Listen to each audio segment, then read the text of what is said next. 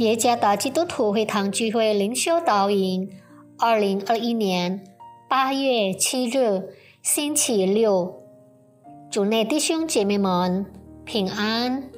今天的灵修导引，我们会借着圣经腓立比书第二章第十二节到十三节来思想今天的主题：神与我合作。作者。红祖茂牧师，腓立比书第二章第十二节到十三节。这样看来，我亲爱的弟兄，你们既是常顺服的，不但我在你们那里，就是我如今不在你们那里，更是顺服的，就当恐惧战惊，做成你们得救的功夫。因为你们立志行事都是神在你们心里运行，为要成就他的美意，脱离罪的自由，也是因为上帝与我们之间的伙伴关系。这是上帝的工作，也是我们的工作。这两个方面需要合作和平衡。如果我们只是坐着，不努力做任何事情，却希望有改变，上帝就不想在我们身上工作。或者，我们可以自己做这一切，试图在没有上帝的力量的情况下寻找我们自己的自由。若是这样，我们也不可能获得自由。马丁·路德曾经说过：“没有上帝，我们不能。”没有我们，上帝也不要。因此，上帝和我们之间必须建立伙伴关系，才能摆脱情绪的牢笼。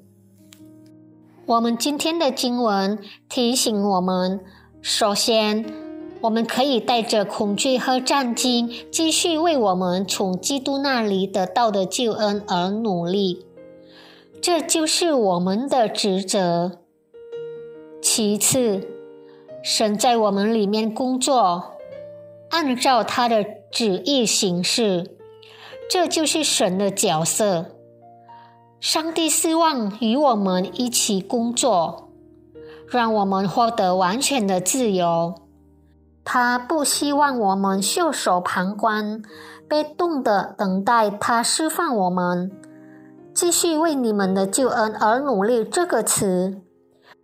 被舍拉比翻译为得救的人做正确的事情，所以作为得救或脱离罪恶的人，我们必须遵循神的旨意，即使这违背了我们肉体的欲望或我们的情欲。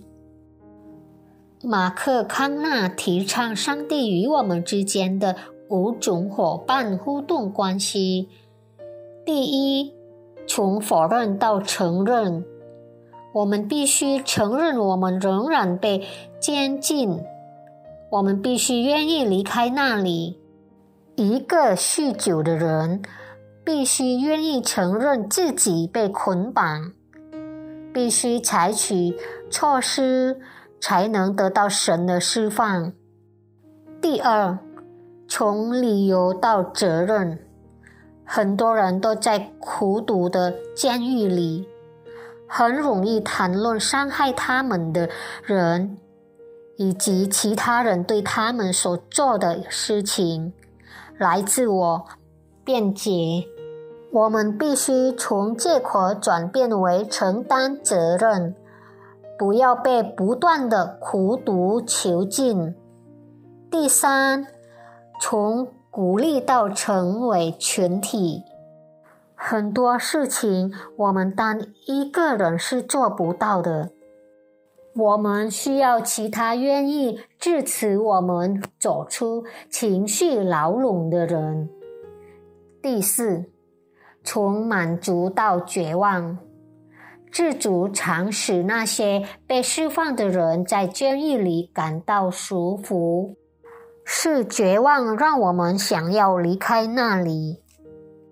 第五，松懈变成警觉，我们在属灵征战中，因此我们不可松懈。我们需要在灵上保持清醒和警醒，这样我们才能拥有上帝为我们提供的自由。上帝工作并改变一个愿意顺服以坚强一致和坚定不移的承诺来尽自己本分的人。愿上帝赐福大家。